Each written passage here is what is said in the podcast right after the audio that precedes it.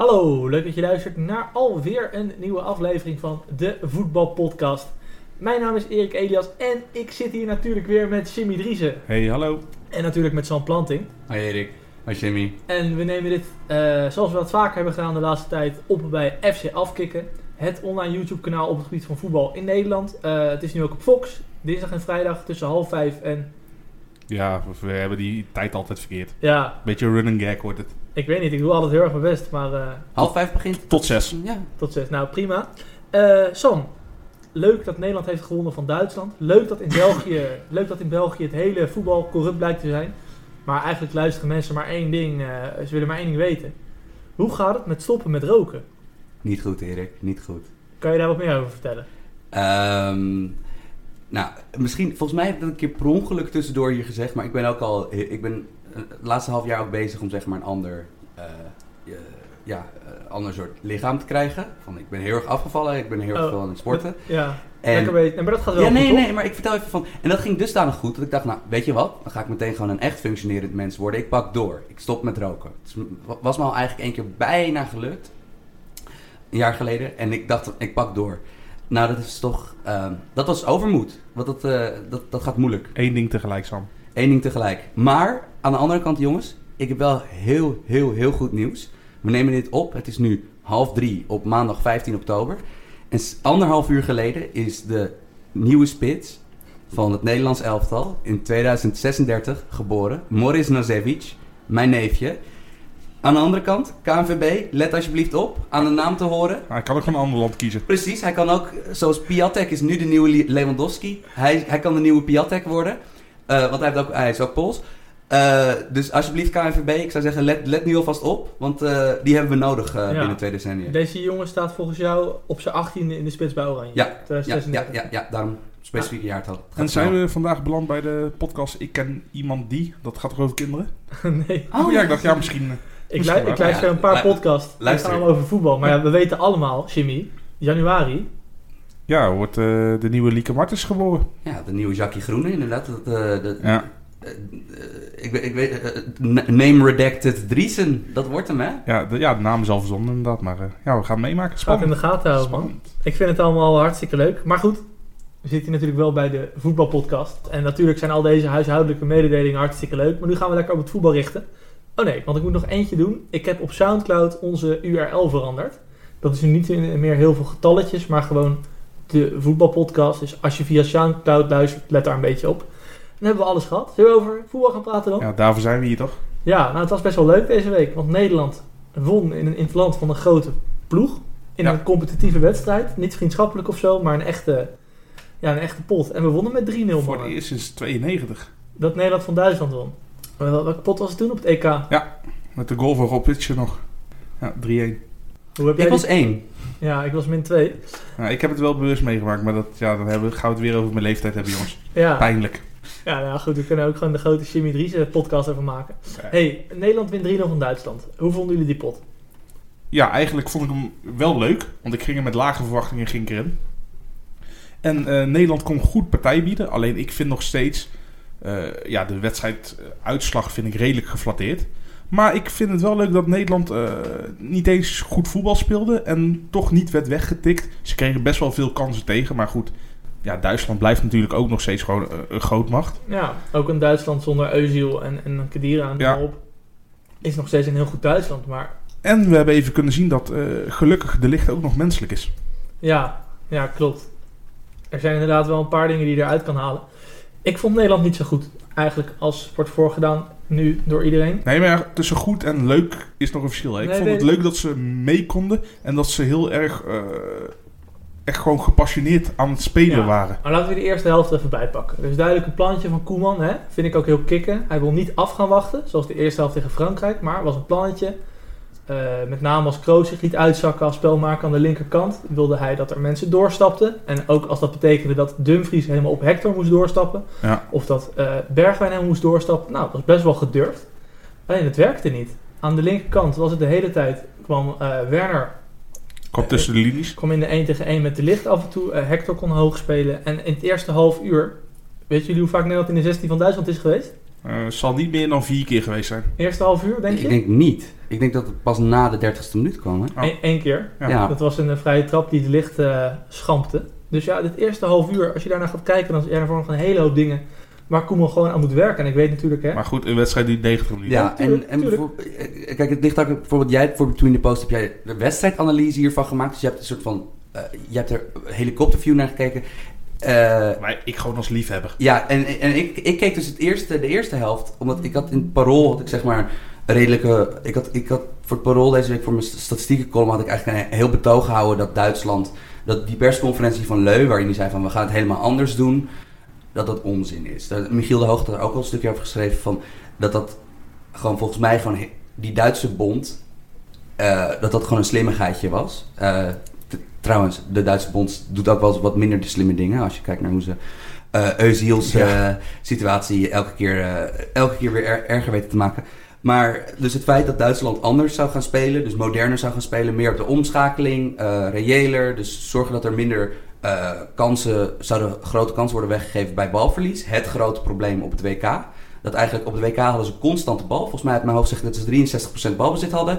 Eh, volgens mij hadden ze rond de 80 schoten voor, rond de 25 tegen. Ja, alles viel er ook wel in tegen Duitsland. Nee, Eh, zeker. Maar, dat was dus, en, maar dat was dus die counters, dat was het hele probleem. En ja, dit was dus eigenlijk een heel leuke test voor Nederland. Dat je dus tegen een groot land, waar het niet goed mee gaat... en waar inderdaad dus, nou ja, de sterren van voorheen... eh, ja, er is geen Eusiel meer. Eh Royce is wederom, was er wederom niet bij.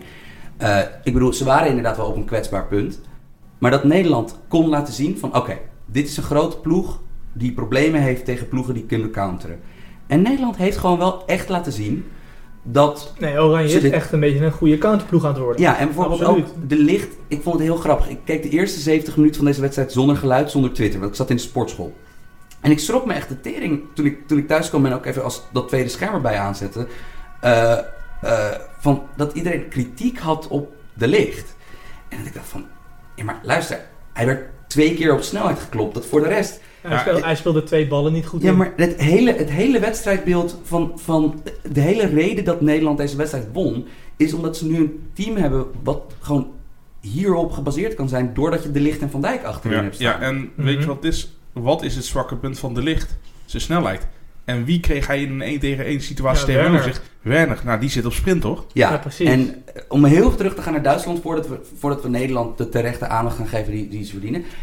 Duitsland heel raar. Want dus, het is dus helemaal geen omschakelingsploeg geworden. Want ze spelen nog steeds, snap je, heel erg balbezit. De, de bal, snap je, als je een wedstrijd van Duitsland kijkt... is de bal de hele tijd in de voeten van Kroos of Kimmich. ik heb Maar dat, dat zie je ook wel aan de, aan het soort backs die ze opstellen. Ja, maar, dus dat, maar dat is dus het rare. Dat ze hebben dus qua backs nu... Want kijk, Kimmich is naar het middenveld verschoven... en Duitsland heeft niet echt andere rechtsbacks opties. Ze Nee, ze, zetten nou Ginter er neer. Die speelt Ja. eigenlijk ook op het middenveld. En eh, Ginter is een beetje zo'n Duitse voetballer uit de jaren 2000, 2002. Maar ik vind het wel een goede voetballer, hoor. Ja, ik ook. Ja, maar... Niet wat we gewend zijn geraakt. En eh, het is al helemaal geen back. Het is een aardige centrale verdediger of controleur bij, bij, bij Gladbach. Gladbach. Het is een zeg maar voetballende voorstopper meestal bij Gladbach. En Hector is Hector. Die is snap je, prima, maar niet echt goed. Ehm, Speelt ook in de tweede Bundesliga. nee, en en wat dat- kan je ik- dan? Ik, vond dus ook dat bijvoorbeeld die backs...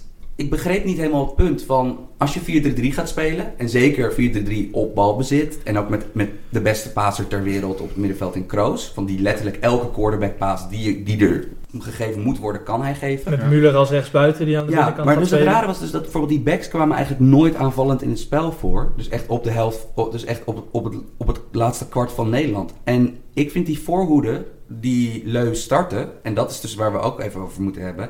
Hij startte dus met Oet in de spits, Müller op rechts, Werner op links. Dan heb je dus met Werner één snelle actiemaker. Eigenlijk een spits die je in de diepte moet aanspelen. Het is ook eigenlijk een spits bij Leipzig.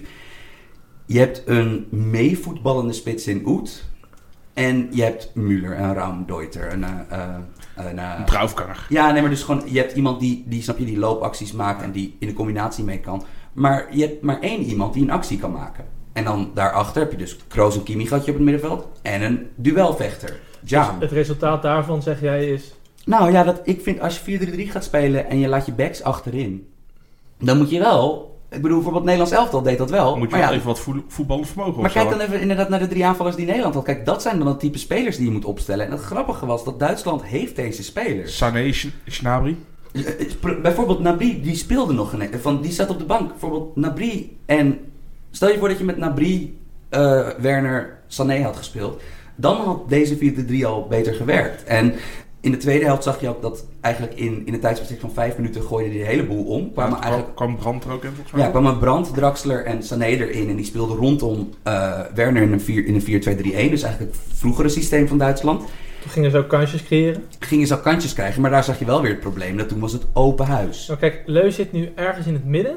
Tussen hij wil en, ja, dat, elke trainer heeft ermee te maken, maar bij zijn ploeg is het blijkbaar extreem. Hij wil en gewoon een goede balans hebben in het aanvallen. Terwijl hij niet tegelijkertijd heel kwetsbaar is op de counter. En in de eerste helft was hij daar misschien een beetje in doorgeslagen met die opstelling. De eerste helft was in mijn ogen overigens ook helemaal niet zo'n hele leuke wedstrijd om te zien. Nee. Eh, gebeurde relatief weinig. En de tweede helft, met die 4-2-3-1, die Sam net helemaal mooi beschrijft, zag je dat het weer de andere kant op sloeg. Dat het misschien de balans weg is. Dus hij is gewoon een beetje aan het zoeken. En wat Sam ook zei in het begin van ja, hè, hij wil het nu omgooien. Ik vind het ook allemaal veel te snel gaan. Kijk, Ja. op het WK hebben we allemaal gezien. Ze kregen kansen, maar die gingen er niet in. En ze waren extreem, extreem kwetsbaar voor counters. Ja. En ik denk dat als ze naast Kroos een speler nu als Rudy hadden gehad, of wat dan ook, gewoon een, een type als Casemiro of, of Fernandinho of noem maar op, zo'n speler mist er echt in. Ja, maar je noemt nu wel, je ja. noemt nu wel zeldzaam, zeldzame spelers. Want Rudy is het antwoord niet. Nou, is ik, ik vond het met. Rudy op het middenveld wel goed staan. Ja, maar het is geen wereldklasse zoals je de... de- Nee. Nee, wat Kijk, ik heb van Kimi genoten hoor, we- in balbezit. We praten er nu een beetje omheen, maar we hebben nu in anderhalve week tijd gewoon twee heel duidelijke voorbeelden gekregen. Zowel met Bayern München Ajax als Nederland-Duitsland. Dat het centraal duo eh Ja, Boateng Boateng- Hummels, wat in mijn ogen vijf jaar lang, het, of misschien wel vier, vijf jaar lang het beste centrale duo in de wereld is geweest, wanneer ze allebei fit waren. Maar dat is echt een heel, als je dat afzet tegen De Licht van Dijk. Van De Licht van Dijk is een aanzienlijk beter verdedigingsduo op dit moment. Op dit, mom- ja, op dit moment. Als je dat dan- twee jaar geleden had gezegd, of, of een jaar geleden, toen, Dan werd je opgenomen in het gekhuis. ja, Vriend, als je mij een jaar geleden had verteld dat Denzel Dumfries de basis rechtsback stond in een wedstrijd die Nederland met 3-0 van Duitsland won, had ik je echt eh, voor gek verklaard. Ja. Maar we moeten volgens mij een beetje, want we zijn nu volgens mij wel te, te, too fair and balanced, dat we meteen helemaal Duitslands problematiek gaan bespreken. Maar even wat er allemaal goed ging bij het Nederlands elftal.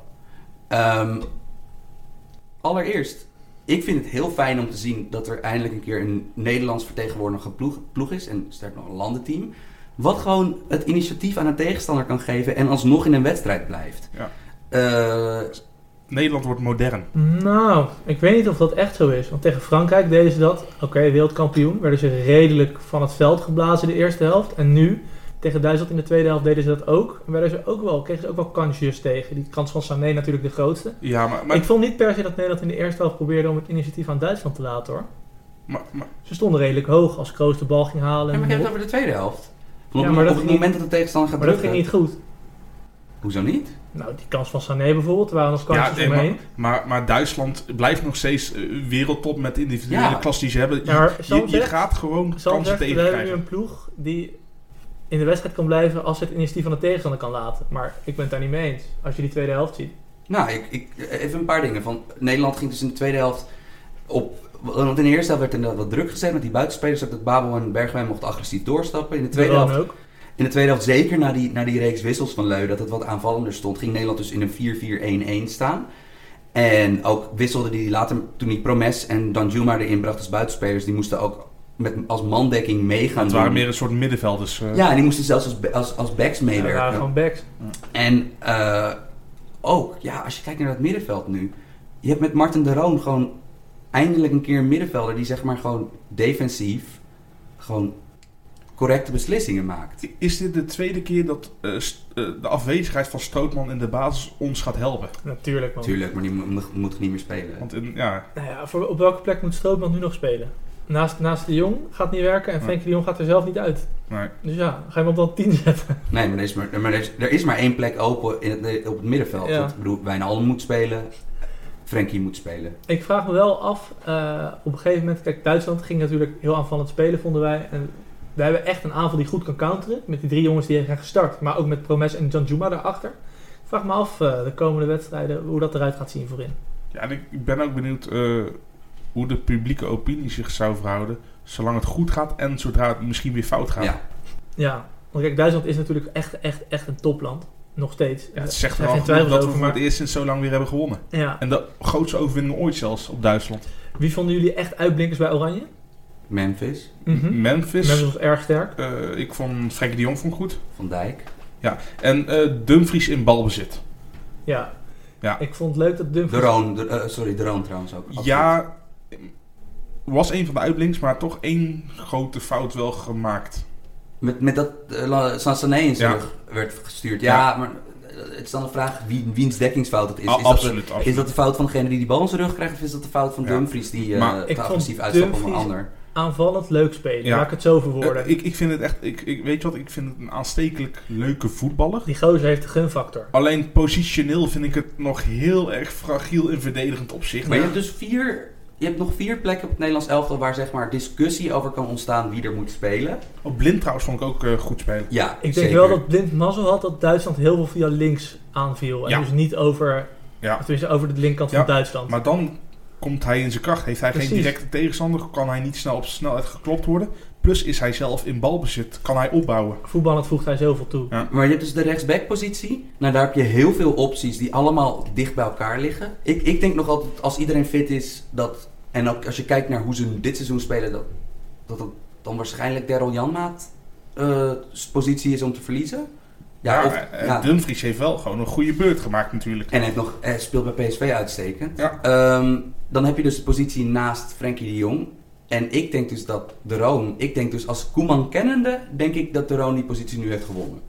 Dat, ehm, als je kijkt Vond je naar de Roon zo goed? Ja. Ja vooral als, als je kijkt naar welke rol hij voor dat team vervult.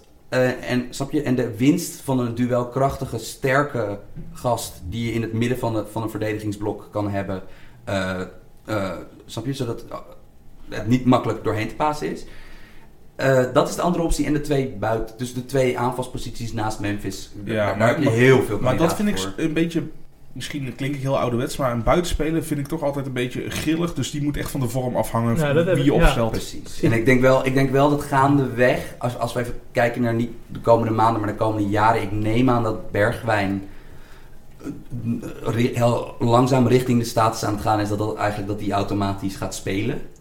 Ja, maar moet hij... Kijk, ik, ik bedoel, het is een debuut, dus ik vergeef hem alles. En ja, jullie weten inmiddels hoe fan en gecharmeerd ik van Bergwijn ben. Ik vond hem alleen niet goed spelen. Nee, Nee. nee, nee, dat is waar. Maar aan de andere kant van, eh, tot nu toe bij PSV is hij uitstekend. Ja, nee, absoluut. Maar eh, ik bedoel, eh, ik ga hem nou wel met een hele grootheid vergelijken. Maar een Seedorf... Seedorf, een van de beste clubvoetballers ter wereld. En Nederland ging het om de een of andere manier... of het nou aan Seedorf lag, het volk of het Mhm. team om zich heen of de coach. Ik weet het niet.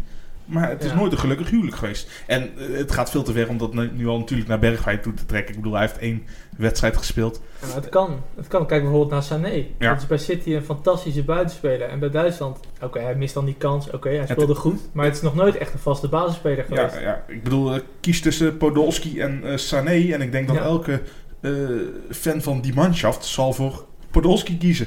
Terwijl eigenlijk, ja, Sané is toch veel beter als ze zeg maar van dezelfde leeftijd zouden Ja. zijn Maar natuurlijk. goed, ik ga even mijn pessimistenbril eh afdoen en mijn optimistenbril eh opzetten. Ja, dat moet Als je nu onze as ziet met eh, nou, Van Dijk en de, en de Licht, dat staat gewoon. Ik vind Sillissen goed spelen in Oranje, zowel meevoetballend als, als keeper gewoon.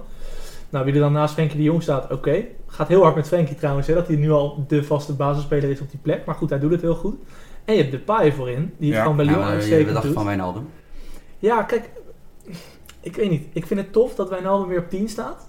In tegenstelling tot waar hij de voorgaande jaren stond, dat hij samen met Strootman de opbouw moest verzorgen. Ja, dat was natuurlijk niet altijd wat je wilde. Wijnaldum- altijd niet. Nee, nou goed. Frappant trouwens dat we liggen. Als je het over gunfactor hebt, heb je het over Ja, Wijnaldum. nee, hè? nee, Ja. natuurlijk. Maar hij speelde hartstikke leuk. Maar ik denk uiteindelijk dat er toch wel iemand moet zijn die wel een steekpas heeft en al die dingen. Dat je daar toch wat meer aan hebt op een Nee. gegeven moment. Nee, nee. Maar, maar nee dat, dit, vind ik nou echt, dit vind ik nou echt een denkfout. Als je nu een echte tiener in gaat gooien. Mhm. Dan klopt de balans niet meer. Nee, dat klopt de balans niet meer. Want dit is dus een ploeg van... Dit is een Maar ik heb het niet over nu, hè, wat over de komende jaren. Ja, maar ik denk alsnog, van dit is dus een ploeg die op defensieve kracht gebouwd moet zijn. Je hebt, je hebt, je hebt snel ja, je, hebt, voorin- je hebt een heel goed fundament achterin. ja, je hebt een van de beste bewegelijke aanvallers voorin. Waar je al, met Memphis, je hebt, snap je, Van Dijk en De Licht kunnen waarschijnlijk nog heel lang mee.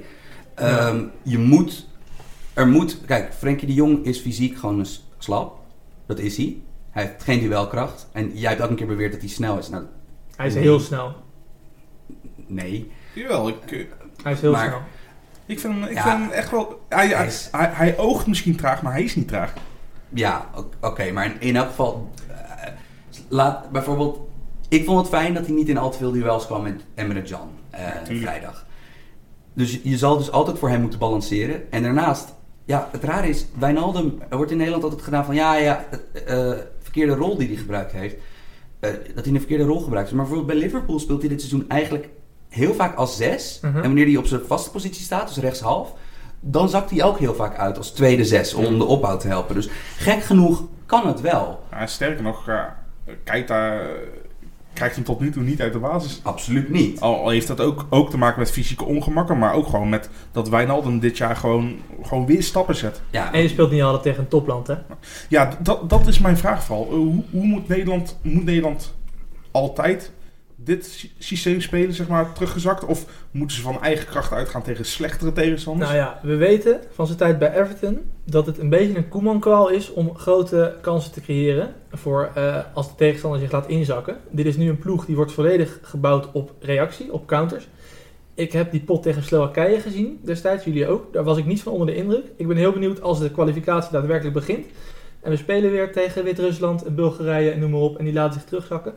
Ik ben benieuwd hoe het er dan uitziet. Of we dan ook weer dat U-vorm voetbal zien. Of we dan ook weer nou kijk, je, je of, hebt- of dat we dan wel een keer. Maar eh, je hebt een- je en hebt misschien nu heb je dan meer aan Prupper bijvoorbeeld. kijk, en, Ja, die en, vergeten we ook nog en natuurlijk. hier, maar hier komt talent, individueel talent, biedt een oplossing. Want we hebben dus nu, we noemden eigenlijk in die, in die as vier echte sterren voor dit Nederlands elftal. Het centrale duo Frenkie de Jong, Memphis Depay. En met Frenkie de Jong, dus een, een controlerende middenvelder die, snap je, zoveel kan oplossen, behalve met passing, ook met die dribbel. En ja, maar met- we hebben eerder in deze podcast een keer gezegd toen Ajax tegen VVV speelde bijvoorbeeld dat hij juist het spel heel erg vertraagde. Ja, maar over het algemeen, je hebt dus nu in elk geval, je hebt iets meer smaken. Alleen al door het soort, het soort middenveld wat wordt opgesteld, heb je al meer smaken. En ook door het soort spits, dus doordat eigenlijk de toevalligheid wilde ontstaan dat Nederland gewoon totaal geen goede spitsen heeft. En dat Memphis een soort van hangende spits speelt bij Lyon. Dat Memphis voor centrumspits bij het Nederlands elftal wordt. Ja, ik vind dat twee positieinvullingen die in elk geval hoop bieden op dat... ehm, eh, ja, dat, dat, dat we inderdaad niet weer dat, dat zodra het inderdaad tegen, tegen een matig land wat lekker ingraaft, dat er totaal geen oplossing voor Ja, te vinden en, zijn. en, en is het dan ook misschien niet handig tegen zo'n matig land, eh, je speelt tegen een Cyprus of weet ik veel wat dan ook, om dan juist Frenkie wel op 8 te zetten en een Prupper dan op 6 bijvoorbeeld? Bijvoorbeeld. Zodat Frenkie hoger op het veld komt te staan. Dus dan kan hij sowieso al minder vertragen, want hij hoeft de bal minder snel te halen. Nou, het gekke bij Frenkie de Jong is, hij zou beter moeten worden hoe dichter hij bij het goal van de tegenstander speelt. Maar in de praktijk Nee, is dat niet zo. nee. Is hij beter als hij dus juist de komt- eerste man in de opbouw is? Maar dit is een beetje hetzelfde als dat ik eigenlijk altijd wil, bij elk basketbalteam wat ik kijk, wil ik altijd dat alles, alle schutters in het team worden meegeteld. En dat is omdat, waarom? Ik speelde zelf basketbal, wat kon ik? Ik kon schieten. Jij bent een nummer 10 als voetballer, je bent een technische voetballer. Jij gelooft altijd heilig erin dat, zeg maar, dat in die, in die, in die zone tussen middenveld en aanval, dat daar gewoon een creatieveling moet staan. Een verbindingsspeler. Iemand die Nou, zeg tegen maar... Bulgarije of zo lijkt me dat wel leuk. Ja, maar... Ik stond zondag trouwens spits. Oeh. Ja. Heb je nee, maar gescoord? goed. eh, hè, nee, we hebben wel gewonnen. Hey. Maar eh, ja, misschien is dat sowieso, misschien niet. Want ik denk namelijk wel gewoon. Ik vind de logica van dat je handigste speler aan de bal zoveel mogelijk aan de bal komt. Vind ik eigenlijk een logischer op dit moment. Ja. Van dat je, dat je meest balvaardige middenvelder gewoon wel echt veel. Gewoon dat hij 80 tot 90 keer per wedstrijd aan de bal komt Ja. in plaats van 40 keer. Ja, het mooie is ook met de positie waar hij nu staat, kan hij met zijn lichaamsschijnwerking kan hij zo makkelijk een overtal creëren. Ja. Maar ja, ja ik, ik vind het altijd een beetje verwonderlijk. Ik bedoel, we moeten niet te lang over Frenkie de Jong hebben. Maar ik, ik vergelijk het nou een beetje met Robben. Bij Robben weet je wat hij gaat doen. En toch trap je erin. Mhm. Elke speler moet nou toch gewoon weten, als hij tegen Frenkie de Jong speelt, Ja, dat er een lichaamsschijnbeweging aankomt. maar dat was bij Xavi ook. Ik En bedoel, Busquets die, die ook. draaide alle Ja, oké, oké, ik vergelijk het met Robben, en- maar jullie gaan nog een stapje verder. hè? Ja, ja, ja, Nee, maar bijvoorbeeld Busquets. Dat, dat zou dus... Busquets is natuurlijk... Ziet er anders uit qua lichaamsbouw en qua... qua, qua dit- dat is natuurlijk een heel trage speler, een heel lange jongen. Maar Busquets is natuurlijk de meester van de opbouw. Van er is geen betere spelopbouwer ter wereld dan Sergio Busquets.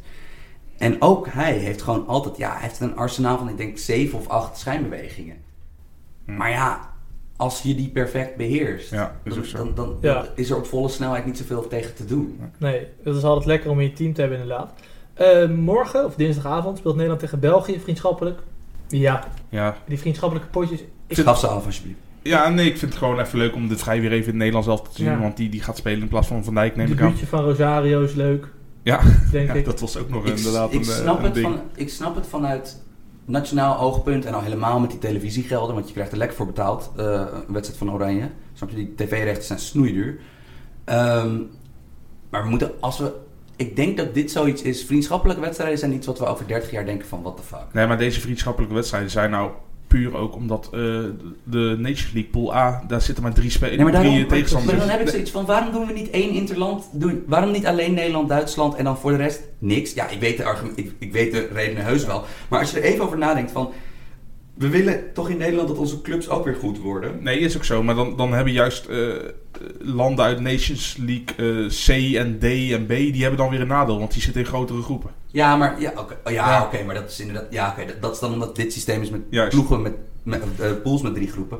Maar ik vind gewoon midden in een vol seizoen, waar profvoetballers nu al 45 Ja. tot 55 wedstrijden per, per, per seizoen moeten spelen, van dan gewoon extra wedstrijden ertussen gooien waarvan het resultaat niet boeit. Ik- ja, ik- dat is gewoon niet Ik logisch. ben het er helemaal mee eens inderdaad, vanwege die oefenwedstrijden. En in de eerste instantie kon bijvoorbeeld de Nations League kon ook gestolen worden.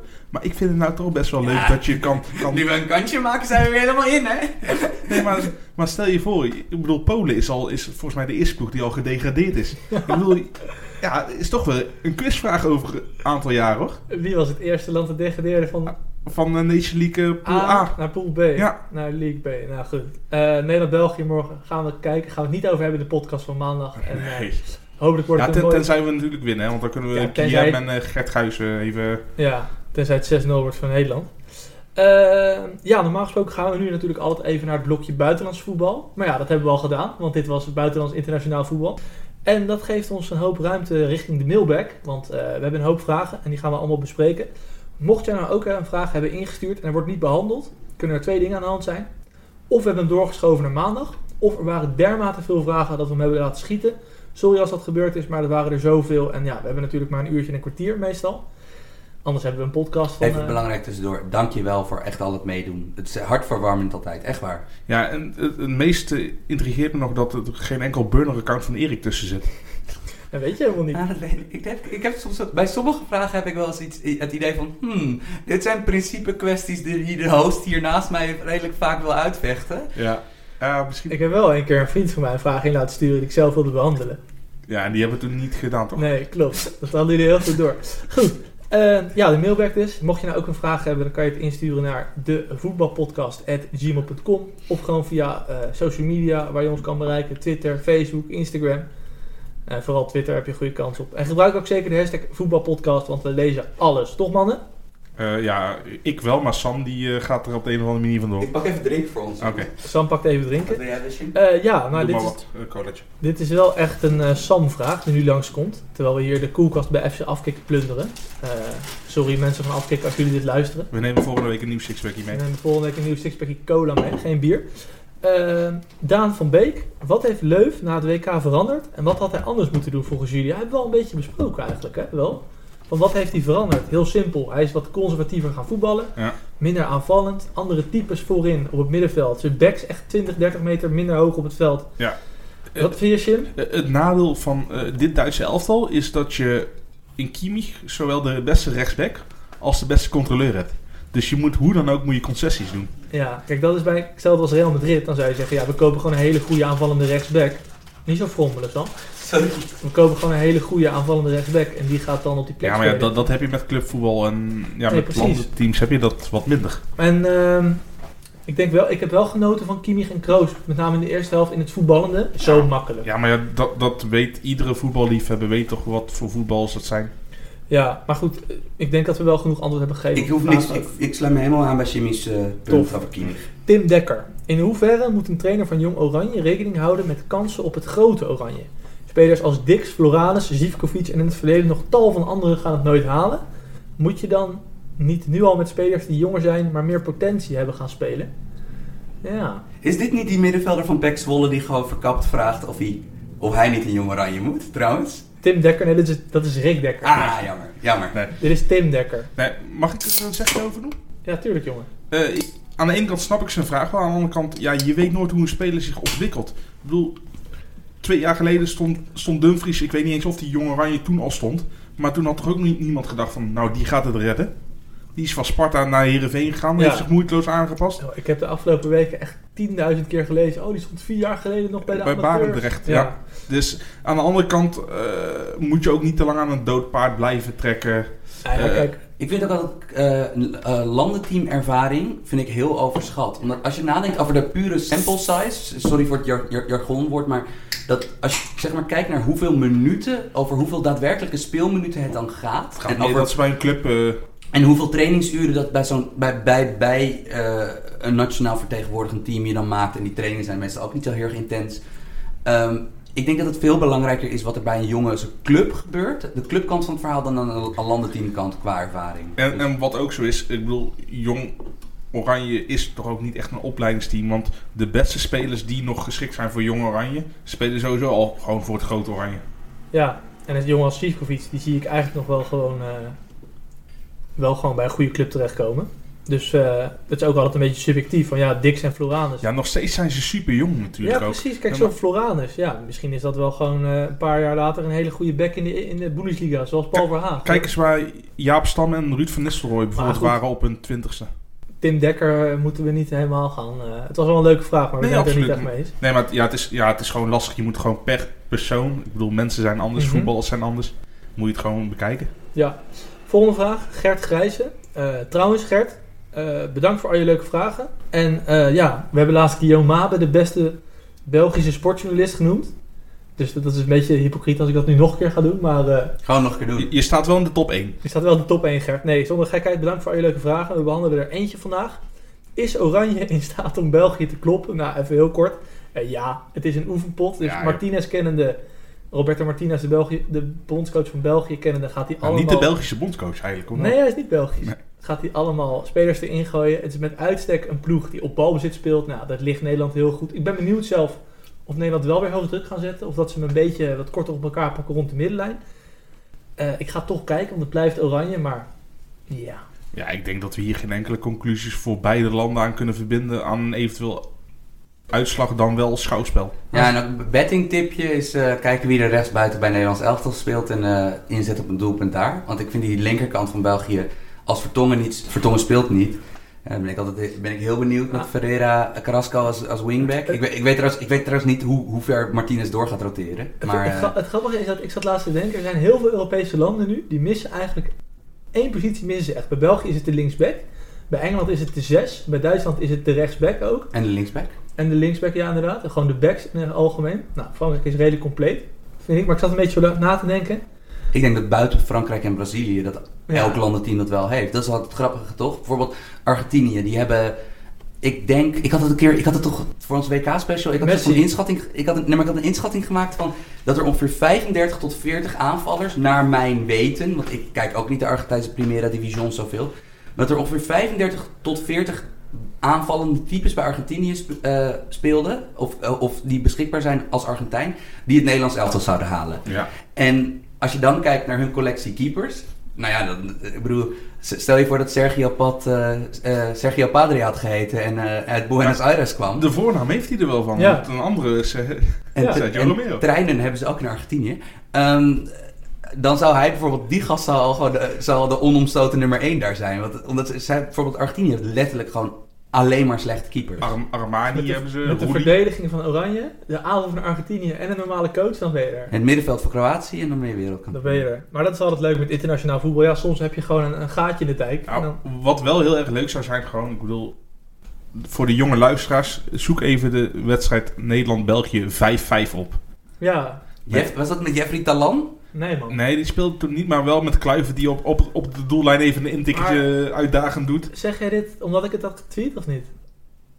Eh, ja, wel mede door, maar ik ben die wedstrijd natuurlijk zelf ook Nee, niet vergeten. Ik, maar- heb jou al lang geblokt op Twitter, dus ik weet, je, niet. het is de eerste wedstrijd, bijna ongeveer, die ik me kan herinneren, die ik live heb gezien. Ja, leuk man. Want 5-5, ja, dat onthoud je wel, weet je wel. En Etje Davids met Ja, die- slalom. Ja, die was goed toen. Ging toen nadoen op training, dat weet ik nog. Dat was wel echt... eh, zullen ook wel veel jongetjes zijn die gisteren of eh, eergisteren hebben gekeken en het een mooie pot vonden. Eh, volgende vraag. We gaan even weg van het internationale voetbal, maar we gaan lekker naar de eh, eredivisie. Johan van den Berg. Is Tadic de beste spits voor Ajax? Hmm. Ik kijk even naar de Ajax-man, Jimmy. Ook, dus, ik dacht even dat je Sam ging noemen. Wat ook natuurlijk kan. Sam heeft wel een seizoenskaart, jij niet. Klopt. Ja, ik ben niet zo'n stadionbezoeker. Nee. Ik eh, zit lekker met mijn laptopje op zolder. En, en jouw opmerking levert mij weer 15 mentions op van... Oh, objectieve journalist. Nee, dat bestaat niet. Nee, maar- journalistiek is iets uit de 21ste eeuw. Laten we het even over het voetbal hebben. Eh, ja, tegen sommige tegenstanders wel, maar ik zie nog steeds in eh, Dolberg de perfecte spits. Want waarom? Hij kan in de spits denk ik alles wat Tadic ook kan. Nou, die paas op Masraoui uit bij Bayern, die geeft Dolberg niet voor je. Nou, weet ik niet. Maar eh, daarnaast eh, is hij ook gewoon nog eh, echt een, een, een keer of wat sneller. Wat op zich en heeft meer diepgang. Dus ik denk dat Dolberg nog steeds de, de gewenste Ajax-spits is. Maar dat je tegen sommige tegenstanders, ik noem inderdaad een Bayern, dat je prima met een Tadic in de spits kan spelen. Wat het gewoon is, er is, er is één heel erg gunstig bijkomend effect als Tadic speelt. Dat is dat er een plek bij komt op het, midden, op het aanval op het middenveld. Dus dat Donny van der Beek en Neres kunnen spelen. Want het is hetzelfde met Frenkie de Jong centraal achterin zetten. Dat is niet ideaal, maar dat betekent wel weer dat Eiting of, of, of Blind of wie dan ook naast eh Schöne zou kunnen spelen. Want het is inderdaad zo, Ajax heeft, en dat is bij PSV is dat, komt dat eraan, naarmate die Gutierrez vaker en vaker goed zal invallen. Eh, en, en, en Malen ook. Maar Ajax heeft op dit moment gewoon 14 spelers die echt heilig ervan overtuigd zijn dat ze altijd moeten spelen. Ik Ja. denk trouwens dat de meeste profvoetballers, ook de nummer 23 in de selectie, vindt dat hij altijd moet spelen. Dat Ja, maakt ik vind dat het ook wel eens gezond is. Ik Absoluut. En zie die profvoetballers die hier bij afkikken zitten, die, die kiezen toch al een beetje erop uit. Misschien ook wel, dat zijn vaak wel realistische, goede gasten die ook wel weten. Bijvoorbeeld die Tim Reserveur. Die zit vaak bij afkikken. Dat is de aanvoerder van Almere City. Dat is wel ja, dat is heel reëel over zijn eigen kwaliteit of wat dan ook. Niet alle profvoetballers zijn oude. Ja, maar toch, je moet altijd even denken dat in ons land spelen een miljoen jongens voetbal. Dit gaat echt om de aller, aller, aller, allerbeste. Dus ook, snap je, ook de reserve rechtsback bij Almere City is fucking goed in voetbal. Die hoort nog altijd bij de punt 0,01% beste voetballers. Ja, want wij als café-voetballers denken af en toe dat niveau te kunnen halen. No way. Ik heb een keer tegen Rika Kogel, Kogeldans gespeeld. Kogeldans. Ken je die nog? Ja. Die is goed, jongen. Ook als je daar tegen speelt. Tim de Cler ook. Ja. En dan zie je inderdaad wat Sam zegt. Van ja, je loopt er misschien wel op de zijk in je podcast. Maar ze zijn nog steeds acht keer zo goed als Ik, jij. ik heb samen met John de Bever gevoetbald. Ja, maar jij hebt sowieso, jij, hebt toch, jij, jij zit in een team met echt vijf profvoetballers. Dus ja, ja, nee, zaalvoetbal. eh, Coutinho toch ook? Gino Coutinho? nee, dat zat ik mee in schoolvoetbal. En elftal. had- Dat is ook een team. Ja, dat is waar. Ja, nee, dat is waar. Ja, maar die komen inderdaad allemaal uit, eh, uit de regio Den Bosch inderdaad, uit mijn leeftijd. En die levert het balletje in bij jou. nee, nee, nee, andersom hè. Maar we wel was je toen ook al zo, zo gespierd als nu? Want dan, want dan hadden ze natuurlijk, Nee, dan nee, zouden ze nee, niet cool tegen je Nee man, ik pas in de puberteit ben Ah, ik gaan oké. uitdijen. Laten we het zo maar noemen. Maar, eh, nee, maar wat mijn punt is, van al helemaal als je bij Ajax speelt, zo zullen al die jongens, snap je, Rasmus Christensen zal denk ik ook elke week op de bank zetten van fuck, ik wil spelen. Oh, Maar je hebt, bij, je hebt bij Ajax zeg maar 14 jongens die een echt valide argument maken, misschien zelfs 15 als je Huntelaar meetelt, ehm, eh, van ik moet altijd spelen. En dat zou het met Tadic in de spits oplossen. Aan de andere kant, we moeten even niet door een anderhalf moeizaam jaar met Dolberg vergeten wat voor monstertalent dit is. Dat is zeg maar, dit is een spits die op zich flitsen heeft getoond dat hij alles zou kunnen. Eh, alleen, ik vraag me af, eh, is het echt niet zo more slump? Dat, eh, in Amerikaanse sport is altijd, als je een rookie bent het eerste jaar en je valt heel erg op, kan het tweede jaar zomaar heel erg tegenvallen. Eh, heeft het te maken met zijn fitheid of niet? Dat, Ja. dat is Ja. echt Nee, maar ja. het Kijk, En vraagstuk. wat het voor mij bij Dolberg nog onderscheidend is, is dat als hij eventjes fit was, zag je wel nog steeds een aanname dat hij even wegdraaide. Ja. Dat er twee man het bos in gingen of een kaats die heel moeilijk was. Dat je wel zegt, ja oké, hij heeft het wel nog en het zit er heus nog wel Ik, in. ik denk dat hij te hard is gebracht. Ja. Nou, dan kan Ten Hag helemaal boos worden, want hij stond basis bij Denemarken van de week. Ja. Eh, Ja. Net zoals dat Ten Hag in de media heel kikker ging doen dat Frenkie de Jong niet mocht spelen tegen Duitsland. Maar Frenkie de Jong wilde sowieso zelf wel spelen. Tuurlijk, toch? maar die zal tegen België wel niet spelen dan. Frenkie de Maar Jong is goed. het nieuwe gezicht van Oranje en dan, eh, nee, die mag niet spelen. Wij zeggen eigenlijk van uh, Tadic spits voor Ajax. Nee. Ja, in, in sommige, in sommige In wedstrijden. sommige, ja, maar Ja. in sommige wedstrijden en ook zeker als je, als je zeg maar een grote rondo wil maken op het veld, is het natuurlijk, ja, is fantastisch. Maar ik vind dat een beetje, ik vind dat één stap te ver gaan met Dolberg. En, en trouwens ook, het spijt me, ik weet, ik weet dat ik heel vaak, Huntelaar moet ook gewoon zo nu en dan spelen. Want het is ook gewoon een heel nuttige speler voor Ajax nog steeds. Ja. Heel nuttig. Dus in dat geval, ja. En eh, ik ben benieuwd eh, hoe, hoe, hoe dit zich oplost. Ik denk dat er, dat er iemand weggaat bij Ajax in de winter. Oké. Oh ja, wie dan? Nou ja, er zijn twee scenario's redelijk logisch. Dat of een topclub die, snap je, die onder druk staat. Ik bedoel, voor een topclub die creativiteit nodig heeft, is Ziyech nu wel echt een van de primaire opties. Al helemaal als je hem in de Champions Maar League sowieso, ziet. volgens mij, kijk, het zijn altijd wel woorden in de media, maar ik vind Ziyech op zich wel redelijk eh, consistent en eerlijk en open. In principe wil hij in de winterstop niet vertrekken. Nee, Nee. nee. Maar aan de andere kant, je weet toch wel, zoals Koemans trein ooit naar Valencia. Ja, ja, absoluut. Eh, Ehm, de champagne werd nog eh ontkurkt bij eh Sneijder omdat hij bleef. Eh, een minuut later zat hij al vliegen. Ja, en, maar het andere scenario is natuurlijk wat, wat logischer. Is dat Do- Donny van der Beek, als hij nog vier, vijf keer op de bank moet zitten, dat hij het niet pikt. En eh, er zullen grote clubs voor hem. Ik, ik, ik zelf denk dat no- nog niemand weggaat in deze Maar- in de winterstop. Er was een raar gerucht dat een, ploeg als, een club als Chelsea dan interesse heeft in Van de Beek. Maar Ja, maar als hij bij Ajax op de bank zit. Vind ik niet zo raar hoor. nee? Maar kom op, hij is toch niet goed genoeg voor eh, Chelsea in de basis nou. Daar gaan we nog een keer een podcastje over opnemen. Ja. Volgende vraag gaat namelijk ook over Ajax. Dus anders is het, wordt het wel heel veel Ajax, Ajax podcast. Ja, zo'n review hebben we wel gehad. Dus wat dat betreft wa- was die één ster was wel terecht. vind ik. Ja, de Ajax podcast. Ja. Nou goed, de, de hot take is van Menno. Ajax kan met dit team de kwartfinale van de Champions League halen. Kan, maar of het heel waarschijnlijk is, nee. Sam? Nee, want in de achtste finale, dus in de ronde van 16, Ajax zal dus maximaal tweede worden in deze pool. Daar ga ik nog wel van uit. Ik bedoel, ja, wacht even. Deze extreme voorspelling zou kunnen als Ajax op de een of andere manier eerste wordt in de Champions League pool. Ja. Maar als je tweede wordt in de Champions League pool en dus tegen een van de nummers, eh, dus dat je in de ronde van 16 tegen een van de groepshoofden moet spelen, no way. Maar kijk, Ajax is wel een ploeg die op balbezit gebouwd is nu. Dus wat Sam zegt klopt helemaal. Stel je komt dan tegen een nummer 2 terecht. Ik bedoel, ja, als je uit bij Bayern redelijk de, goede, de betere ploeg kan zijn, 60 minuten lang. Ja, eh, de, de, sterren moeten goed staan. eh, Maar wat dan ook. Dit scenario kan niet. Als Ajax tweede wordt in de pool, wat echt een fantastische prestatie zou zijn.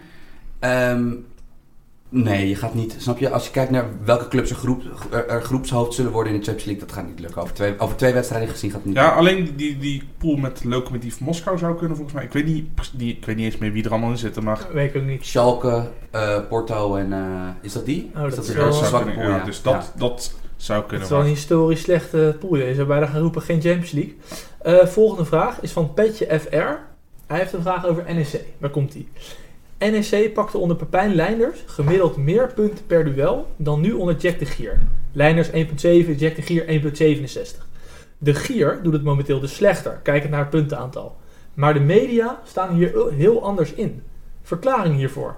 Nou, sowieso denk ik de eerste verklaring die we kunnen zoeken als we niet, niet eens naar het verschil in resultaten kijken. Eh, ja, Pepijn Leinders werd toch heel groots aangekondigd als de new breed, de laptop trainer, wat dan ook. Dus ja, dan vang je automatisch al wat meer wind. Jack de Gier is toch de oud profvoetballer eigenlijk in het gespreid bedje terechtgekomen. Niet, niet bij een NEC bijvoorbeeld, maar gewoon wel als oud prof Mhm. gaat trainen. Heeft natuurlijk ook bij Almere City heeft hij dingen gedaan. Maar hij was toch ook een razend populair spits? Ja, ja, absoluut. En eh, dus dat heeft Jack de Gier al, al met zich eh, als eh, voorsprong op Pepijn Leinders. Hij heeft een carrière gehad en mensen kennen hem daadwerkelijk als eh, speler. Eh, ten tweede, ja, de selectie van NEC vond ik vorig jaar wel een stuk sterker. Ze, Ik ook. Ze zijn natuurlijk eh Danjuma Groeneveld en eh Kajioklo eh, kwijtgeraakt. Dat zijn toch voor NEC-begrippen zijn dat gewoon eh buiten categorie. Kan je ook weer onder Leinders? Wel minder goed. Ja, maar nog Maar steeds. Maar nog Extreem steeds talent voor de Ja. eerste divisie. Eh, dus dat is punt 2. Punt 3 is, eh, ja, hoe goed is de eerste divisie, de de keukenkampioen-divisie, eh, nu vergeleken met vorig jaar? Zijn grote ploegen gedegradeerd? Kan, kan je meetellen? Nou ja, punt 4. Punt 4, ja, w- wat is de toevalsfactor in zo'n korte Ja. tijdsbestek? Ik Mhm. Ja, heeft, heeft Leinders ondergepresteerd? Heeft hij ongeluk gehad? Heeft hij juist veel geluk gehad? En hoe zit dat met de Gier? En dat, ja, dat weet ik Toevallig, niet. weet, ik, weet, ik weet wel, ik weet niet meer precies de getallen uit mijn hoofd, maar ik weet wel dat qua expected goals, dus qua kansen wat... eh, Kansen voor en tegen. Kansen voor en tegen die nek creëerde en tegenkreeg, eh hadden ze gewoon wel pech met scoreverloop onder Leinders. Maar even, even ik vind, ik vind Jimmy vier ijzersterke punten maken. Er is één tegenargument te verzinnen. Ja, we weten volgens mij, al die mensen die in onze, zeg maar, een beetje voetbal-nerdy bubbel zitten, die weten donders goed waarom Jack de Gier anders behandeld wordt. Pe- Pepijn Leinders. Pepijn Leinders staat symbool voor, eh, Vernieuwing, laptop. ja, en voor de stukken van Pieter Zwart. Hè, van, van, van, en eh, daar zit een heel groot deel van de traditionele media gewoon echt niet op te wachten. En dat, in, in, dat ja, snap je dat? Ik voel me ook wel gekwalificeerd dat te zeggen. Want ik zeg je eerlijk, dat, toch, dat is ook wel eens aan mijn reacties hier te peilen.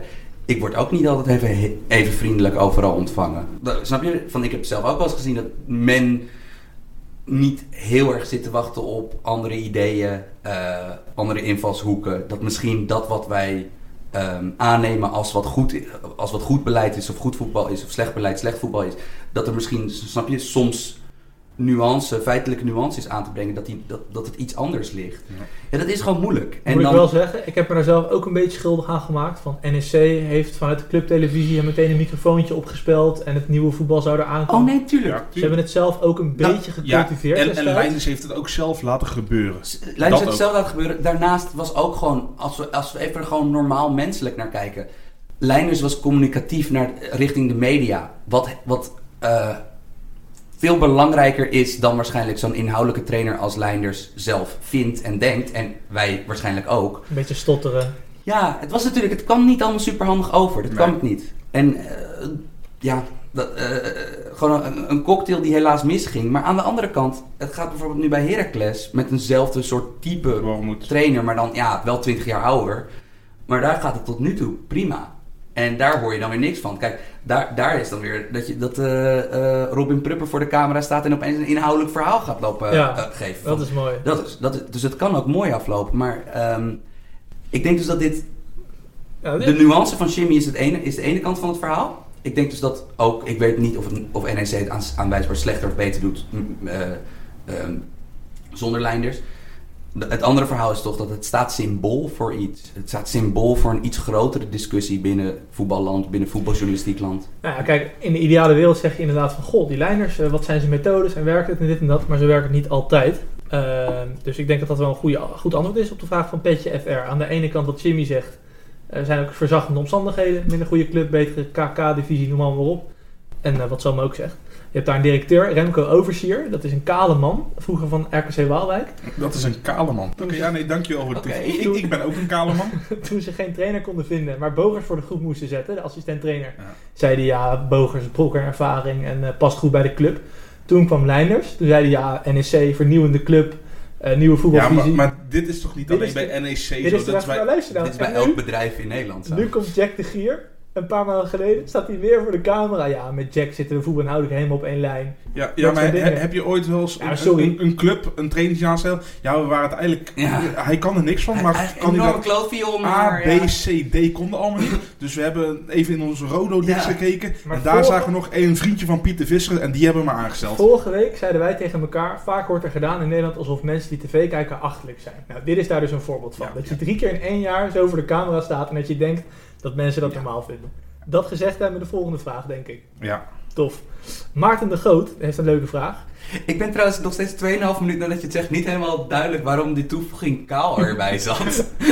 Ik, vind, ik vind hem persoonlijk worden deze. Inderdaad, ja. ik ook. Je keek ook. Je keek ook evil naar Jimmy. What the fuck, Erik? Ik ben visueel ingesteld. Ik zag die Remco Oversier voor de camera staan. Ja, hij is kaal. Dus ik ga nou ook elke twee weken ga ik een ander verhaal hier in de po- voetbalpodcast... Of dat je eh, elke keer Erik, dat je elke keer benoemt dat Erik een ring om heeft. Ja. Erik Ja, een heeft mooie zegelring. Ja, jongens, Maarten de Groot.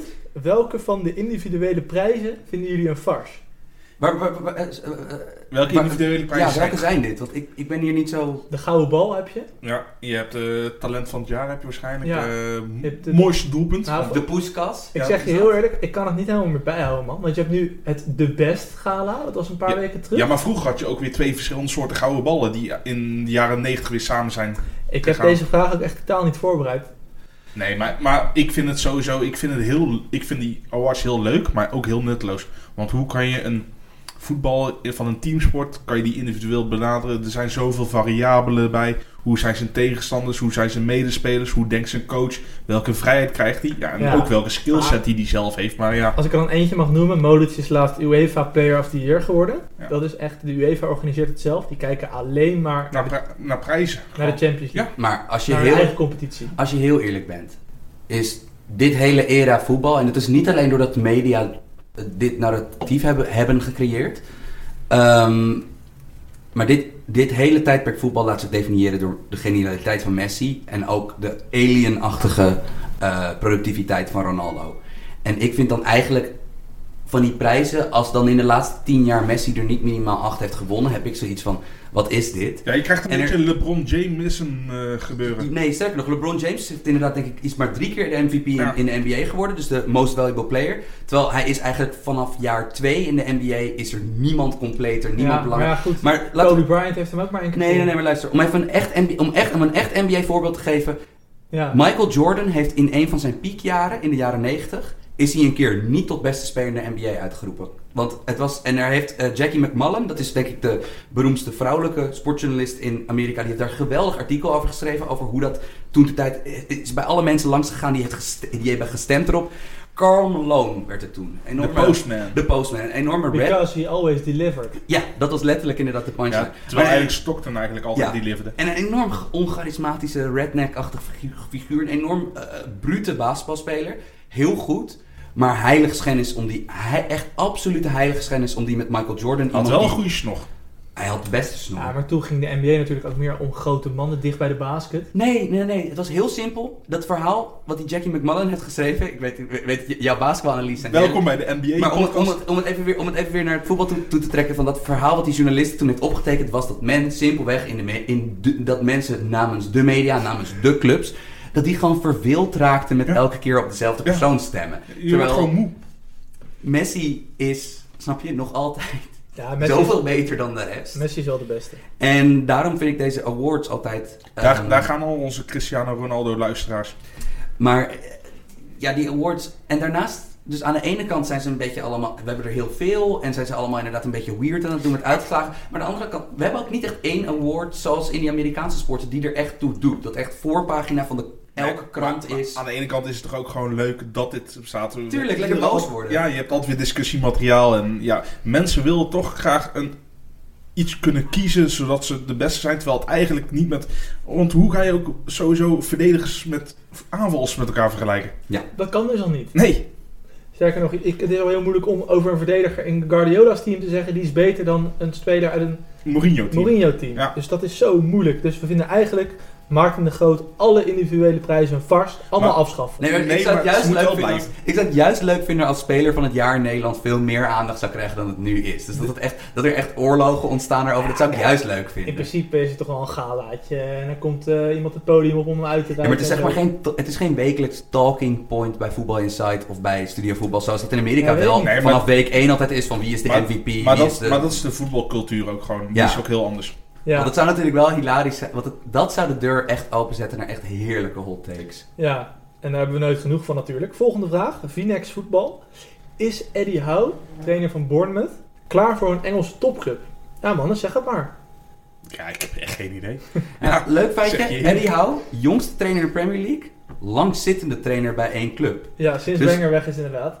Ja. Ehm, hij heeft Bournemouth eigenlijk van de League One helemaal, eh, terwijl hij de trainer was, gepromoveerd naar de Premier League. En doet het daar gewoon met een paar goede klasseringen in het midden van de tafel. Eh, dat, is een, dat is heel erg letterlijk uit Engels vertaald. Eh, in het midden van de stand, hij doet het gewoon goed daar. Alleen er zijn een paar Mid- dingen... Middenmotor. De middenmoot, dankjewel Jim. Er zijn een paar dingen. In balbezit is het niet altijd... Kijk, hij wil graag van achteruit opbouwen, Eddie Howe. En dat maakt hem anders dan de meeste Engelse trainers. Maar zeg maar, in het deel tussen de opbouw en daadwerkelijk een kans creëren... dat is voor ploeg, zijn ploegen soms lastig. Ik, ik- vraag me vooral bij Bournemouth af. Mhm. Zij doen redelijk normaal. Is het niet zo dat zij altijd redelijk goed, goed eindigen? Omdat de rest er gewoon echt aan een totale fuck-up bezig is. Nou, we hebben wel eens gezegd dat we de Premier League... een van de domste competities ter wereld vinden. En ik heb bij Bournemouth af en toe het idee... Kijk, die kopen ook gewoon Jordan Ibe voor 25 miljoen. Ja, maar aan de andere kant... Nee, iets minder. Nee, ze hebben natuurlijk, zij, zij hebben ook een handje van dure jongens kopen, want gewoon dat is die Premier League inflatie. Maar ze hebben wel redelijk consistent handje in binnenlands jongens aantrekken die Ja, ik- ik, daadwerkelijk. ik, ik vind ze Ja. geen eh, mensen over het kanaal brengen die, die eigenlijk al uit, opge, Nee, opgebrand van die zijn. West Ham, Ja. Newcastle. en dit, in dit seizoen zullen ze gewoon echt een verrassingsploeg hebben. Want Hou is dus inderdaad normaal gesproken een beetje Nederlands trainer. Dus een beetje voetballen van opbouw van achteruit. Maar hij is ook altijd verdedigend, is het altijd 4-4-2. En is het ook eigenlijk niet zoveel pressie, is het altijd een beetje counter. En hij heeft nu gewoon, hij speelt nu 4-4-2 met twee razendsnelle spitsen. Eh, Joshua King komt uit de jeugd van Menu. Dat is een Noors Noorse international, maar het is eigenlijk een Eng. Engelsman. Een goede, goede spits altijd in de Premier League. En eindelijk een andere spits die gewoon wel het Engels elftal zal halen, mits hij een keer fit blijft. Want dat is altijd heel problematisch bij de jongens. Callum Wilson. Ja. Dat zijn twee echt prima counterspits. En dan hebben ze twee echt grote talenten. Dus jongens die we bij Tottenham of Arsenal eh, eh, binnen nu en twee jaar zullen zien. Eh, hebben ze- hebben ze Brooks aan de ene kant. Een, een, een Welsh spelmaker. Die hebben ze gehaald uit, de- ik weet even niet meer van welke clubs die hebben opgepikt dit seizoen. Championship. Uit de Championship in elk geval. En hebben ze Fraser aan de andere kant. Dat is een, eh, een soort van mini-versie van Memphis. Zeg maar zo'n heel geblokte eh, buitenspeler die naar binnen kapt. Gaat die naar, bij Arsenal en Spurs spelen, zeg jij? Nou, als je kijkt naar hoe, hoe zij nu wel al, al drie maanden echt consistent presteren in de Premier League. Dit zijn wel jongens die je echt in de gaten moet houden. Dus ze hebben nu echt een heel goede generatie. Aan de andere kant, vraag en aanbod. Dat vijf van de zes Engelse topclubs hebben nu een heel goede trainer. En, Die er nog wel een tijdje gaat zitten. en Mourinho is ook natuurlijk. Mourinho is Mourinho. En, en, en snap je, Manchester United gaat niet met Eddie Howe uit de hoge, hoed komen. Dat is, Nee, dat kan ook niet naar de Nee, fans toe. nee, Zo nee, werkt dat blijkbaar in het voetbal. Je moet een grote naam hebben als Nee, grote club. maar er is gewoon geen, geen plek vrij. Maar kijk, Allardyce, Sam Allardyce, heeft ooit gezegd... als ik Allardyce had geheten, had ik bij een topclub gewerkt. Nou, oké. Kan je nog iets twijfels over zeggen of Allardyce daar goed genoeg voor is. Maar er heerst daar wel een beetje een cultuur van... wat uit het buitenland komt is goed. Ja, maar dat, dat, En wat dat, ze zelf dat halen is gaat niet alleen over de trainers, het gaat ook over de jeugdspelers. Ja, ja, Ja. precies. Op Aan de andere kant hebben ze dat ook een beetje aan zichzelf te danken doordat ze, ze liepen tot en met, nou echt wel in de 2000 liepen ze gewoon 30 jaar achter op Ja, het vlak van voetbaltactiek. Absoluut. Dus na een tijdje, dat is gewoon verpest voor een generatie trainers. Maar je hebt dus nu inderdaad Engelse trainers. Southgate, Southgate een heel goed voorbeeld ervan. Gewoon heel moderne, st- communicatief sterke eh, trainers met echt een duidelijk idee. Hou hoort daar ook toe. Maar ja, die merken die bovenin zijn die merken zo groot geworden van United is een wereldmerk. Dan kan je denk ik niet Maar- met Eddie Howe als trainer Ja, kijk, er wordt nu specifiek gevraagd... is Eddie Howe klaar voor een topclub in Engeland? Dat weet ik niet. Maar waarom haalt een Everton Marco Silva? Waarom haalt een Watford altijd rare trainers? Dat kan toch prima dat soort gasten zijn? Eddie Howe... eh, ik kan er ook niet de tweede opnoemen, omdat het zo maar, zeldzaam maar, is. maar zou een, een, een Eddie Howe van Bournemouth naar Watford willen? nou ja, misschien wel. Z- zonder, zonder dat er bijvoorbeeld echt een riante salarisverhoging... eh, want dat zal er misschien Nee. wel bij komen, maar... Misschien ja, vind ik het ook wel heel leuk bij eh Bournemouth. Ja, ik blijf erbij dat jij benoemt, jij stipt het ook al eerder aan. Van die Engelse middenmoot is gewoon altijd een beetje een rommelteam. Bijvoorbeeld dit Ja. seizoen is, zitten er echt verrassend veel sterke teams tussen. Ook, ook een paar heel goede, tactisch heel sterke trainers. Maar ik denk zolang Hou dat kan uitbuiten, want het is toch een beetje een moneyball verhaal, Bournemouth. Ik bedoel, kijk naar dat stadion. Want dat is een 1 vijfde van de, stadi- de stadions die... eh, Wel zweertje. eh, Dus, je- dus ik denk dat dat gewoon een heel leuke positie is om te hebben. Hij is natuurlijk een levendige legende. En hij Ja. is heel erg jong. Hij is jong. Dus dit heeft nog alle tijd. Dus ik denk dat... Zal hij uiteindelijk bij een topclub terechtkomen 100%? Of zal Ja, hij de en volgende bondscoach zijn? Ja, ja. Ja, misschien zie je wel hetzelfde als die Engelse talenten die nu in het buitenland gaan spelen. Dat kan ook. Dat hij naar een Bundesliga club gaat of zo. Het zou ook leuk zijn. Gaan we in de gaten houden? Antwoord op de vraag? Misschien nog niet, maar we gaan het in de gaten houden. Dat is een beetje de vraag. Ja, voor nu kunnen we er ook geen antwoord op vragen. Volgende, Hugo Holleman. Heren, ik zag laatst de stand voorbij komen na negen wedstrijden in de Zwitserse Super League. Met FC Basel op de zesde plek. Vorig jaar is Basel met 15 punten achterstand op Young Boys tweede geworden. Hebben jullie enig idee of wat er daar aan de hand is? Nou kijk, Basel was natuurlijk altijd de beste club van het land. Die haalde talenten uit, eh, uit Afrika, uit Azië, noem maar allemaal op. Ja, heel veel uit Egypte inderdaad. Ja, Mohamed Salah, El Neni Ja. komt daar vandaan. Ze hadden Kakitani gehaald uit Japan, dat soort spelers. En eh, ze hebben nu een nieuwe technisch directeur, Marco Marco Streller. Streller, Ja, oud- sinds, sinds 2017. oud spits. Ja. En die is het een beetje aan het verpesten, hè, Jim? Ja, eh, vooral veel vriendendiensten eh, Mhm. verleent hij eigenlijk. En eh, ja, ze breken toch eigenlijk met de traditie. ze hadden altijd een hele goede mix. Heel goede jeugdopleiding. Dat hebben ze nog steeds. Komen, komen nog steeds leuke spelers door. Met oud-gedienden die weer terugkeren. En daartussenin altijd een mix van buitenlandse jongens. En die buitenlandse jongens zijn een beetje tegenwoordig de Ricky van Wolfswinkels niveau. En niet meer de Mohamed Salah.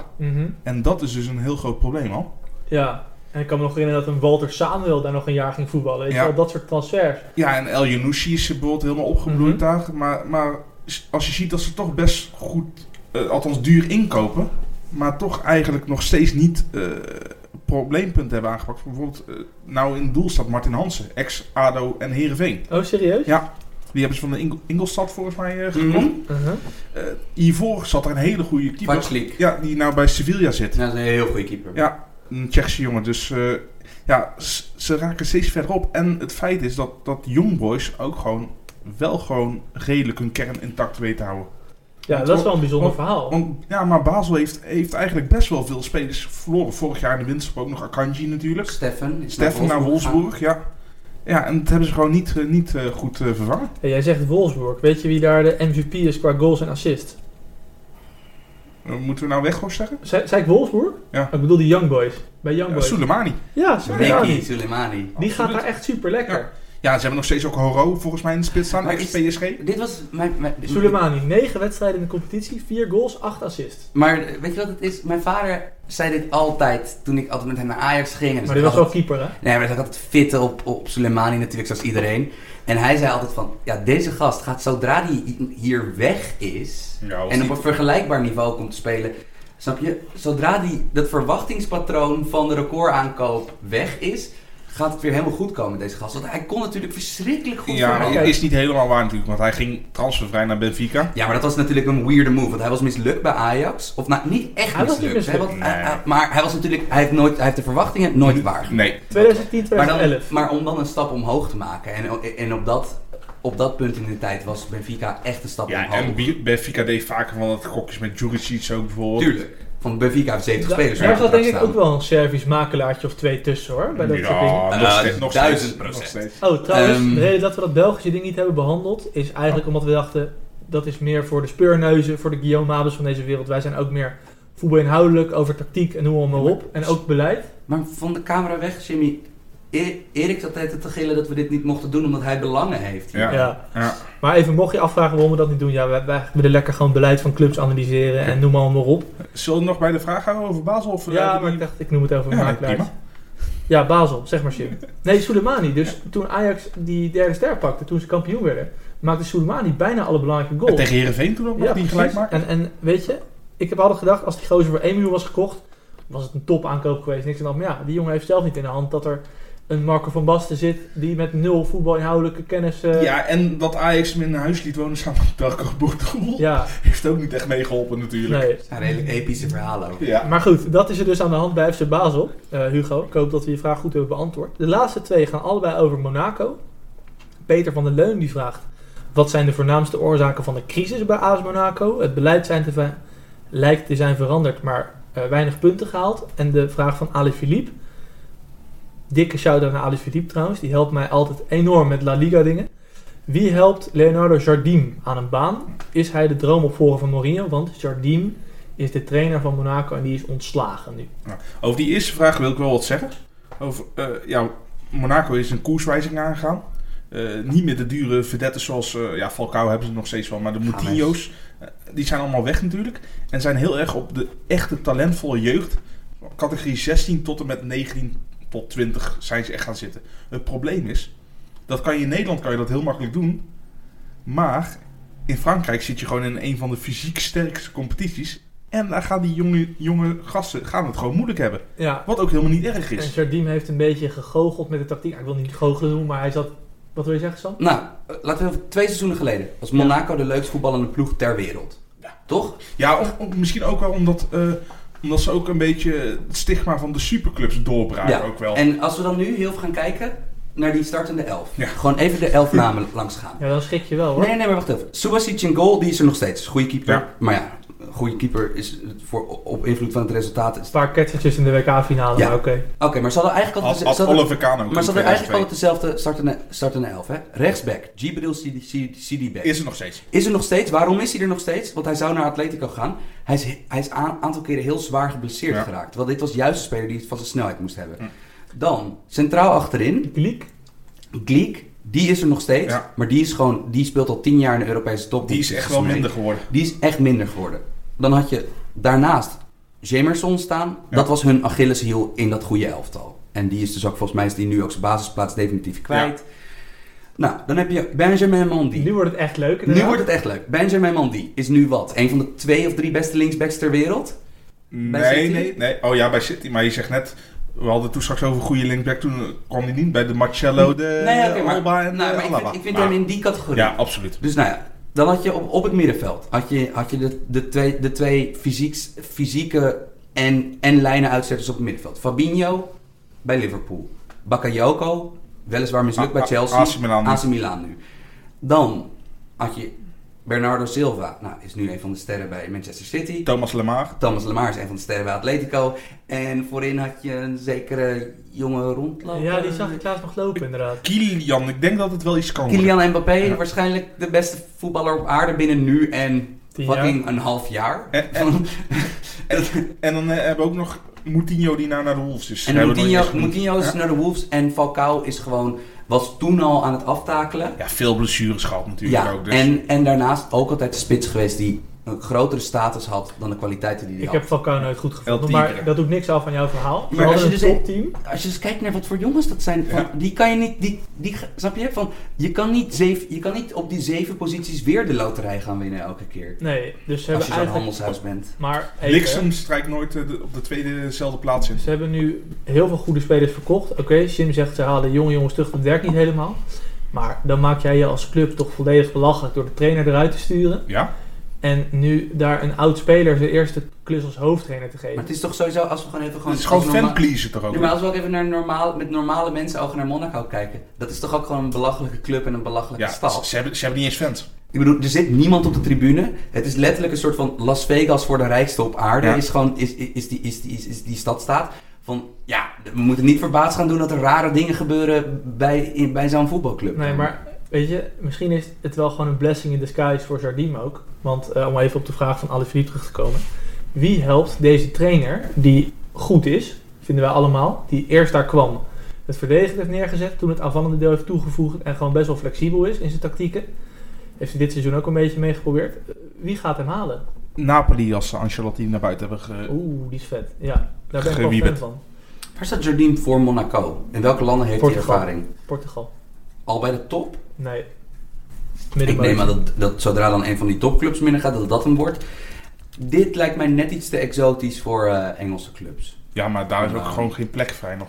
Ja, Ja, Ik weet niet. Nou ja, ik United. hou het weer over United. Maar, Maar, eh, maar, maar, gaat United een trainer aanstellen die net is weggebonjourd bij Monaco? Jardim heeft bij, Port- bij Sporting gezeten. Ja. Sporting Portugal. Olympiakos, Braga en nog een hele rits kleine clubs. Dat heb ik even opgezocht op de laptop. Ja. Nou, ja, dat- ik weet het niet precies, maar het is een goede trainer. Aan de andere kant, jij, ik of Erik zouden ook een heel goede beurt maken als we dat talent tot onze beschikking zouden hebben. Want ik bedoel, kijk, aan de andere kant, als je tactisch naar dat team keek, van hoe het in elkaar stak, van hoe ze presten. Dat was een beetje simpel. Wat? Vond je dat simpel? Nee, het was niet per se simpel. Het zat goed, het zat goed in elkaar, maar aan de Eh, andere het kant... helpt wel als je hele goede Het voetballers voor helpt dat systeem wel als hebt. je Kylian Mbappé, Bernardo Silva en Lamar hebt. Van dat zijn zeg maar, toek- dat zijn gewoon zeg maar letterlijke toekomstige wereldtoppers. is jammer dat ze eruit geknikkerd zijn naar Juventus toen. Maar ja, halve halve, finale. halve finale halen met een ploeg van met gemiddelde leeftijd van 23 is Ja. toch al een Ja, wereldprestatie. die pot Monaco tegen City, die moeten ze gewoon integraal uitzenden op de, op het, eh, op de trainerscursus van de KNVB, vind ik.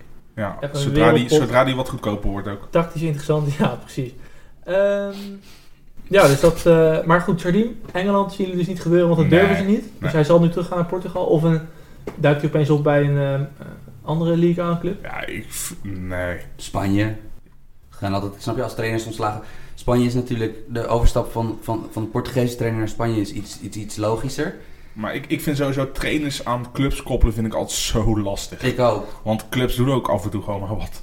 Ja, en ook aan de andere kant, het is ook niet van, je weet nooit helemaal van wat, wat zo'n trainer tot zijn beschikking krijgt. Bijvoorbeeld Marco Silva is een prima trainer bij Watford, maar ik dacht toen hij naar Everton ging en dus ook een enorm salaris daar kreeg van ja, dat gaat nooit werken, maar het helpt dan best wel als je, Als je die Charlison opeens En, erbij en krijgt. Benna. Ja, van, eh, snap je, dat is opeens een heel ander verhaal voor een trainer dan, van wat je, wat je voor mogelijkheden Ja, hebt. en een trainer heeft altijd veel invloed op de stijl van een ploeg, maar niet altijd per se heel veel op het resultaat. En ik vind het wel grappig wat Jimmy zegt, dan gaan we ermee kappen hoor, maar soms doen clubs ook maar wat. Ik heb dat boek van Rob Jansen gelezen, eh, nou geen biografie, het is meer een portret door Michel van Egmond. En ja, daar staan ook fragmenten in dat je denkt van ja, wij zitten in die podcast soms dingen heel erg te beschouwen en te evalueren en waarom zouden ze dat doen? Terwijl soms is het ook gewoon dat er een makelaar een linksback heeft en die gaat dan naar die club toe. Ja, Dan gaat er even wat geld links en rechts in het zakje. Ik zeg niet dat het bij Rob Jansen zo is hoor. Dat staat in ieder geval niet in het boek. Maar soms zit er ook geen logica achter. Dus we gaan zien waar die opduikt. Ja. En dan zijn we er volgens mij weer doorheen. Door de podcast. ja, toch? Eh, volgende week gelukkig weer het clubvoetbal terug. Want die interlandbreek, echt fantastisch dat al die luisteraars ons vragen hebben ingestuurd. Maar ik had oprecht niet kunnen bedenken wat we anders hadden moeten doen. Nee, ja, hadden we een korte podcast gehad. Ja. Misschien vinden de luisteraars ook wel keer erg fijn. over de NFL kunnen gaan praten hier. Ja, Ja, of hadden we nog eventjes eh, over Ja, Mel- Pestelt kunnen Mel- gaan. Ja, wat vind je van Melvin Gordon? Rob Jetten, jongens. Zeg het eens. Rob Jetten, ja. Ja, het lijkt op Tette en Jetses, dus dan kan je bij mij al niet meer stuk. Nou, die Rob Jetten moet het nog maar laten zien. Hey, we Oh, gaan afsluiten. Jezus, hé. Nog even er tussendoor, ouwe lul. Jezus, hé. Jongens, bedankt voor het luisteren. Eh, volgende week zijn we terug met clubvoetbal. Ja, gelukkig, gelukkig, maar. ja. Gewoon maandagmiddag zitten we weer bij FC Afkikken. Mocht je nou ook je podcast over voetbal... Maar ik weet niet eigenlijk, misschien wel ook over andere onderwerpen. Maar mocht je een podcast willen opnemen... Kan bij Afkikken Amsterdam-Oost goed te bereiken met het OV. Goed Ja. te bereiken met de auto. Want er komt al een Serie A-podcast komt eraan, toch? Ja, leuk man. Ja, met Willem Willem, Haak. En eh, Wesley mm, Victor Mak. Ja. Ja. Low Stadio. Ja, ik heb Willem even geappt. Hij vond het, eh, ik zei nog tegen hem, we hadden die preview podcast gemaakt over de serie. A. Ik zei, gast, dit moet je lekker elke week gaan doen. Ja, dus jij claimt nu alweer het succes. Nee, voordat helemaal het er, voordat Nee, het er is, is hij Ja. alweer... eh, Erik, het, het brein achter Lo Stadio. Ja, nee, dat had hij zelf inderdaad niet kunnen bedenken, die Willem. Dat hij een Nee. podcast kon maken over Italiaans voetbal. Maar gelukkig gaat hij het nu wel doen, dus ga dat ook zeker eh, beluisteren. Dan ga ik nu echt zeggen, jongens, tot ziens, tot volgende week. Bedankt. Shout-out Julius Agahoa. Shout-out Geert en Oude. Shout-out Sammy Koe voor Goat. Die willen ze bij Lucky Ghana nog niet eens hebben, omdat die koevoer.